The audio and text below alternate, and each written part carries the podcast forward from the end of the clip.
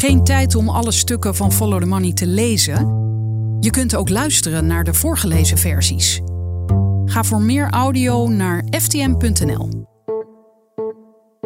Wat is er nu weer? Dit kan toch niet waar zijn? Lezers van FTM hebben die gedachten allemaal wel eens bij het openen van de site. In deze podcast vertellen de auteurs over hun onderzoek en de achtergrond van hun verhaal. Frederik vraagt door. De podcast van Follow the Money. Dennis Mijn hier, welkom in de podcast. Ja, dankjewel dat ik hier mag zijn. Ja, hier is uh, op afstand. Hè. Jij zit in de studio bij Follow the Money en ik zit thuis. Uh, weer met mijn hoofd in de linnenkast, zoals eerder verteld. Want daar is zo'n mooi dof geluid. Jij hebt een artikel geschreven in het coronadossier. Dat is het snelst groeiende dossier van Follow the Money. En jij hebt uh, al meerdere keren daar een stuk voor geschreven over mondkapjes. Dat is een beetje waar jij nu over gaat, geloof ik. En ik heb je stuk gelezen, we gaan het er zo over hebben. Maar ik wil meteen even de hamvraag stellen. Is het mogelijk dat ik mondkapjes in huis heb die gemaakt zijn door dwangarbeiders in China? Ja, dat, uh, die, die, kans is uh, aanwezig. Uh, die mondkapjes ja, die zijn ook in Nederland verkocht. Ik heb onderzoek gedaan naar mondkapjes die door een tweetal Chinese fabrieken ja, zijn geproduceerd. En er zijn ook Oeigoeren bij betrokken. Dus dat, dat is een minderheid uit de regio Xinjiang islamitische bevolking overwegend. Ja, en die worden ja, stelselmatig onderdrukt. Er is sprake van detentiekampen, van dwangarbeid, grove mensenrechten schendingen. Wat, wat, ja, wat er nu eigenlijk steeds meer naar voren komt in onderzoeken internationaal. Ja, precies. Internationaal. Dit is ook, uh, jouw onderzoek is gedaan in een internationaal verband met uh, allerlei journalisten uit meerdere landen. Daar komen we zo op. Maar het borduurde eigenlijk voort op gegevens die al bekend waren gemaakt. Hè? Bijvoorbeeld door de New York Times. Ja, ja, de New York Times die heeft, kijk, eind juli hebben zij een, uh, ja, ook een groot onderzoek gedaan. En daar zijn ze toen ook gestuurd op een Chinese fabriek waar Oeigoeren aan het werk waren gesteld. En er is ook nog een Australische denktank. Die heeft ook uh, lijsten met, met allerlei uh, fabrieken uh, gepubliceerd. Ook toen kwam al de naam van Hubei Heixin naar voren. En dat Hubei Heixin is een grote producent van persoonlijke beschermingsmiddelen. Dus waaronder ook mondkapjes. En waar hebben jullie de draad dan opgepakt? Nou, we hebben de, de Hubei Heixin, die hebben we verder onderzocht. Um, en dan gekeken naar ja, door welke medische groothandels zijn die verkocht in Europa. Ja, dat zijn twee vooraanstaande medische groothandels. Uh, OneMed, ja, hoofdkantoor in Zweden. Uh, allerlei vestigingen in verschillende Europese landen. En het beursgenoteerde McKesson. Ook een medische groothandel. Uh, hebben ook apothekenketen. en wij hebben dus onderzoek gedaan naar ja, of eigenlijk iedere journalist in het onderzoek heeft gewoon in zijn eigen land gekeken. Oké, wie zijn de partijen die die, die, uh, mondkapjes hebben geïmporteerd? Dus rechtstreeks hebben ingekocht uh, bij de verdachte Chinese fabriek. En uh, aan wie hebben zij het verkocht? En dat varieert dan van overheden tot ziekenhuizen, privéklinieken, apothekersketen. Op die manier is het dus nou ja, bij de Europese consumenten beland. En mogelijk ook dus bij jou of bij mij. Terwijl het in hoofdzaak gaat om die medische maskers. Maar dat zijn die blauwe die je inderdaad ook wel op straat ziet. Ja, ja, ja, dus eigenlijk die, ja, ze worden dan medisch genoemd. Het is eigenlijk vooral gericht op of bedoeld voor, voor, ja, voor ziekenhuismedewerkers. En het lijkt me ontzettend moeilijk om op zo'n grote afstand van China dit goed te kunnen onderzoeken. Waar zijn jullie begonnen? Ja, de, begonnen eigenlijk met, met een, uh, een filmpje, een soort promotiefilmpje. Wat is opgenomen over uh, 130 Chinese vrouwen uit uh, Xinjiang. Dus dat is die, die, die uh, regio waar uh, de Oeigoeren wonen. En dat filmpje is door lokale media is dat, nou ja, is dat gefilmd. En daarin werd een beeld geschetst van... nou ja, kijk eens hoe goed China bezig is met, het, met, ja, met armoedebestrijding. En wat voor mooie projecten zij realiseren... door deze 130 vrouwen werk te verschaffen in een fabriek. En waar ze te eten krijgen en waar ze kunnen leren. En nou ja, een soort ideale wereld. Terwijl ze wel 3000 kilometer van huis zijn. Ja, ja, ja, ja echt totaal. Ja, er zit uh, grofweg 3000 kilometer uh, onder. En dat is dan onderdeel van, uh, ja, dat noemen ze in China, de, of de Labor Transfer Program. Dat is eigenlijk een soort werkverschaffingsproject om de arme bevolking van Xinjiang, om die elders aan het werk te krijgen. In de regio Xinjiang is, is, is er sprake van ja, grove mensenrechten schendingen. Er worden de honderden, honderden detentiecentra zijn er gebouwd. Waar de Oeigoerse bevolking, uh, nou ja, hoeven maar iets te doen en, en ze belanden daar. Komt een soort heropvoeding, ze moeten de Chinese taal leren. Ze moeten eigenlijk afstand nemen van hun geloof, min of meer. Ja, het is echt wel schrijnend wat daar plaatsvindt momenteel. En er worden dus ook bij die, bij die kampen worden dus ook fabrieken omheen gebouwd. Nou ja, en dan de, de, de onderzoekers en de andere experts die, die zeggen... ja, het, het komt allemaal in de buurt van dwangarbeid. Ja, over de Oeigoeren horen we steeds meer ellendige verhalen. Zo kwam eh, vandaag naar buiten, naar buiten gebracht door de IPVM, de World's Leading Video Surveillance Information Source. Experts op het gebied van videoregistratie en uh, gezichtscanners. En zij zeggen dat Alibaba, de Amazon eigenlijk van China, apparatuur heeft gemaakt en verkoopt waarmee Oeigoeren herkend kunnen worden. Dus het wordt steeds enger. Ja, ja, ja, er is, het is, uh, ja, daar is China sowieso goed in. Echt die massa-surveillance, uh, dus met uh, gezichtsherkenning. Huawei is, is daar ook een grote speler in. die liggen nu ook onder vuur. Ook vanwege dat zij de surveillance systemen leveren... waarmee de Oeigoeren nou ja, eigenlijk overal in de regio in de, mee in de gaten worden gehouden.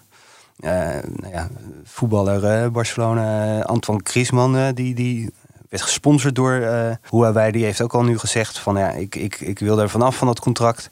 Vanwege ja, die, dat, dat, dat zij meewerken aan dat soort surveillance uh, toepassingen. Dat is in de regio Xinjiang is dat, dat ja, alles wordt gemonitord van, van de Oeigoeren. Oké, dus de, dat filmpje wordt door de Chinezen gepresenteerd als een goed nieuwsshow. Maar wat kon jij daar allemaal uithalen? ja, we, nou, we hebben dus dat, dat filmpje geanalyseerd. Uh, met uh, experts gesproken die, die, weten van, ja, die meer weten over die uh, werkverschaffingsprogramma's. Dus nou ja, hoe moeten we een beetje dat zien? Dat er dan 130 vrouwen dan in een fabriek worden, te werk worden gesteld. Nou ja, en die zeggen van ja, het vindt allemaal plaats onder strikte begeleiding. Er zijn beveiligers zijn er aanwezig. Het heeft een soort, soort militair karakter of iets. dus ja, daar is sprake van dwang. En vervolgens hebben we dan van de twee fabrieken die we eh, in het vizier hadden, hebben gekeken van oké, hoe zijn die kapjes bij de consument beland en in de ziekenhuizen beland? Nou ja, dat, dat, dat varieerde dan van, van gewoon een zoektocht op uh, in webshops. Dus uh, nou ja, ik keek dan naar de Nederlandse webshops. Komen die uh, Hubei in maskers en de andere is dan Zende maskers. Ja, worden die überhaupt in Nederland aangeboden? Nou, dat, dat, dat was dus op een paar plekken het geval. En ze zijn op, op, grote schaal zijn ze ook ingekocht door medische groothandels. En dat was dan ja, OneMed, uh, die ik al eerder had genoemd, en dat uh, beursgenoteerde McKesson. En vervolgens heeft eigen, ja, heb ik en anderen uh, die dan deelnamen aan dit onderzoek nog gekeken van ja, bijvoorbeeld in de overheidscontracten zijn er door overheden zijn die maskers aangekocht. Uh, nou ja, ik heb een soort, eigenlijk de Nederlandse zorginstellingen en ziekenhuizen heb ik uh, gespamd uh, met een e-mail of zij kunnen kijken bij een inkoopafdeling of zij die maskers hebben ingekocht van deze merken. Dus op, op die manier hebben we eigenlijk een soort ja, follow the masker. Is dus volgden de, de, de maskers. Dus eigenlijk vanaf ja, de fabriek in China tot aan de gebruiker. Ja, je zegt al een paar keer wij, want je hebt inderdaad gewerkt met journalisten uit meerdere Europese landen. Wie doen daar allemaal aan mee? Ja, we zijn met zeven partners. En uh, dat is dan uh, de, de Zweedse omroep eh, SVT, de Noorse omroep NRK, krant Denemarken, DR, in onderzoekscollectief in, in Italië, ERP Media. Belgische financiële krant De Tijd, die, die nam deel. En in Estland ook een Esti Pavalet. En um, dit alles werd dan gecoördineerd door um, Oost-Europees onderzoekscollectief uh, OCCRP. En dat is uh, Organized Crime and Corruption Reporting Project. Zij zijn heel sterk in het opzetten van grote gezamenlijke onderzoeken naar, naar corruptie, naar grote fraude, witwassen, carousels. Nou ja, ik, ik heb ook al in het verleden al uh, eerder met hun uh, samengewerkt. Ook op het gebied van uh, de inkoop van mondkapjes en de valse certificaten die daarbij werden gebruikt. maar ook wel eens met een, met een uitgelekte lijst over vastgoedbezit in Dubai. Dus ja, super interessant was het. Ja, en hoe gaat dat dan in de praktijk? Jij zei, uh, zei net voordat we begonnen met opnemen: hey, ik krijg een paar berichten in de groepsapp. Dus jullie hebben een groepsapp waarin jullie informatie delen. Maar hoe wordt dit nou uh, verdeeld, het werk? Ja, nou ja, de, de verdeling was eigenlijk van: oké, we hebben het, basismateriaal, dus de filmpjes, de lijsten, de, ja, de bedrijfsgegevens daarachter van, die, van die fabrieken. En vervolgens was nou, iedereen heeft in zijn eigen land dan geïnventariseerd van waar zijn die maskers of door wie zijn ze ingekocht en waar zijn ze uh, beland. En nou ja, bijvoorbeeld ik, uh, ik stuitte bijvoorbeeld op een internet vond ik in een webshop een Hubei Heixin masker en dat werd aangeboden door een Belgisch-Nederlandse webshop.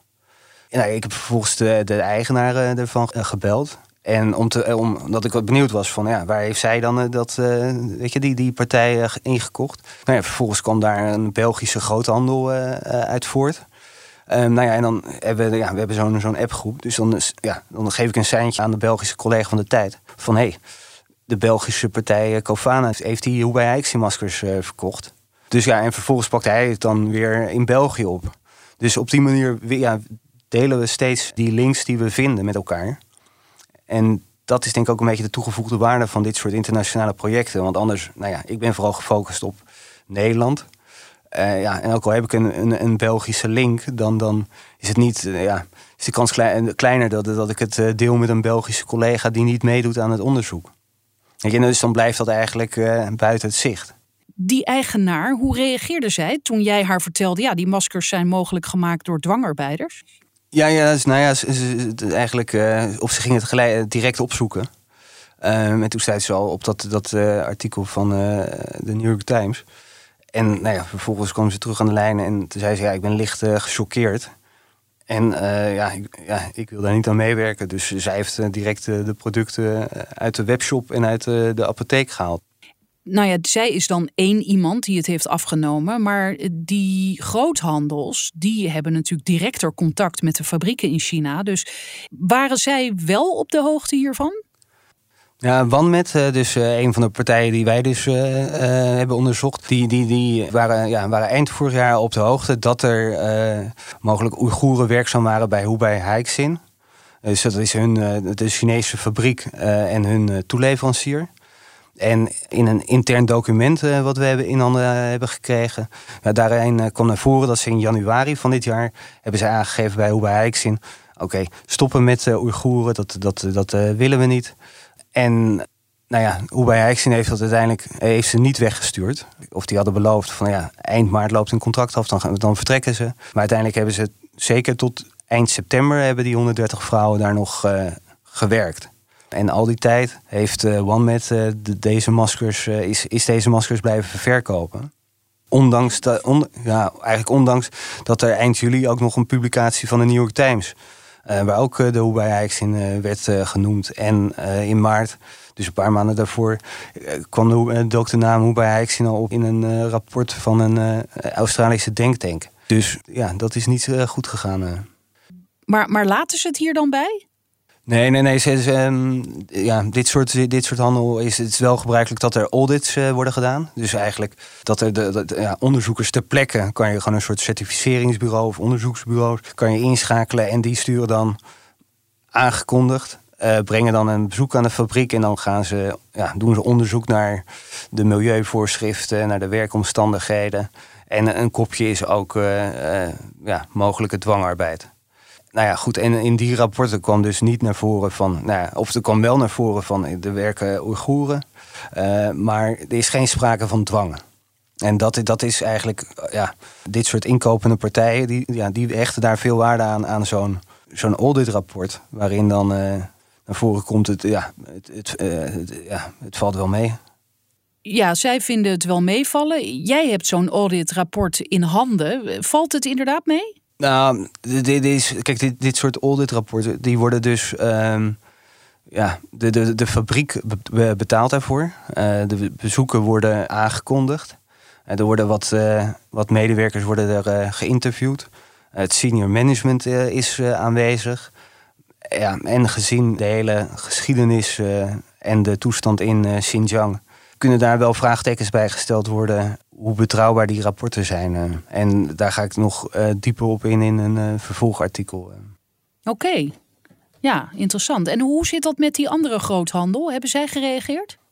nou, nee, die, die hebben een, een, een beetje een algemene reactie gegeven. Die zijn niet specifiek ingegaan op wel geen dwangarbeid of dat, kijk, Wanmet, die hebben, die, die hebben veel gereageerd. Dus zelfs uh, de Zweedse CEO die heeft uh, gereageerd. Ik heb de Nederlandse uh, directeur gesproken.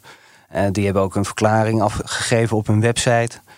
En, en ze hebben inmiddels ook wel ja, een soort erkend van... ja, we hadden toch misschien wel wat meer moeten doen. Ook al konden we in eerste instantie niks vinden... maar we hadden dit nog wat serieuzer moeten nemen.